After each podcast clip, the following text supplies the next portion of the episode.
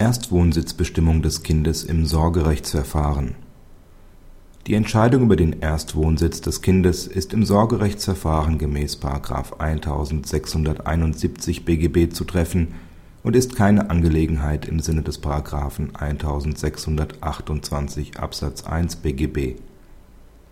Die getrennt lebenden Eltern streiten aus finanziellen Gründen über den Erstwohnsitz ihres Kindes.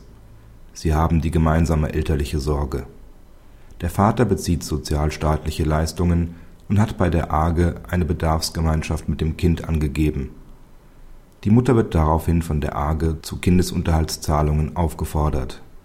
Jeder Elternteil behauptet, das Kind lebe überwiegend bei ihm. Auf Antrag der Mutter wird ihr vom Amtsgericht die Befugnis zur Entscheidung über den Erstwohnsitz sowie die Mitteilung desselben gegenüber dem Einwohnermeldeamt übertragen. Auf die Beschwerde des Vaters hiergegen wird der Antrag zurückgewiesen. Bei getrennt lebenden Eltern hat das Kind bis zu einer Entscheidung gemäß § 1671 BGB einen doppelten Wohnsitz. Die Eltern können aber Abweichendes bestimmen. Bei einem Streit der Eltern müssen diese eine gerichtliche Entscheidung nach § 1671 BGB herbeiführen. Eine Einzelentscheidung nach § 1628 Absatz 1 BGB die einem Teilentzug der elterlichen Sorge gleichkäme, kann hier nicht ergehen. Andernfalls könnten die erheblich strengeren Voraussetzungen der § 1666 fortfolgende BGB, die bei einem Entzug der elterlichen Sorge zu beachten sind, umgangen werden.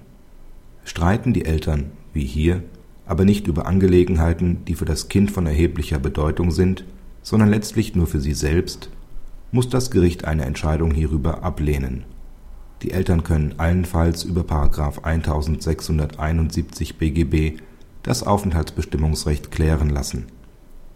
Praxishinweis Aus der normtechnischen Gestaltung der Regelung des § 1671 Absatz 2 Nr. 2 BGB kann kein Regelausnahmeverhältnis zugunsten des Fortbestands der gemeinsamen elterlichen Sorge hergeleitet werden. Ebenso wenig besteht eine gesetzliche Vermutung dafür dass die gemeinsame elterliche Sorge nach der Trennung der Eltern im Zweifel die für das Kind beste Form der Wahrnehmung elterlicher Verantwortung ist. Einschränkungen der elterlichen Sorge sind möglich bei fehlendem Grundkonsens zwischen den Eltern mit der Folge dauernder nachhaltiger Streitigkeiten, bei mangelnder Eignung eines Elternteils zur Erziehung und Betreuung, wegen des Kontinuitätsgrundsatzes, bei starker Bindung des Kindes an Eltern und Geschwister sowie bei verantwortlicher Willensbildung und entsprechendem Kindeswillen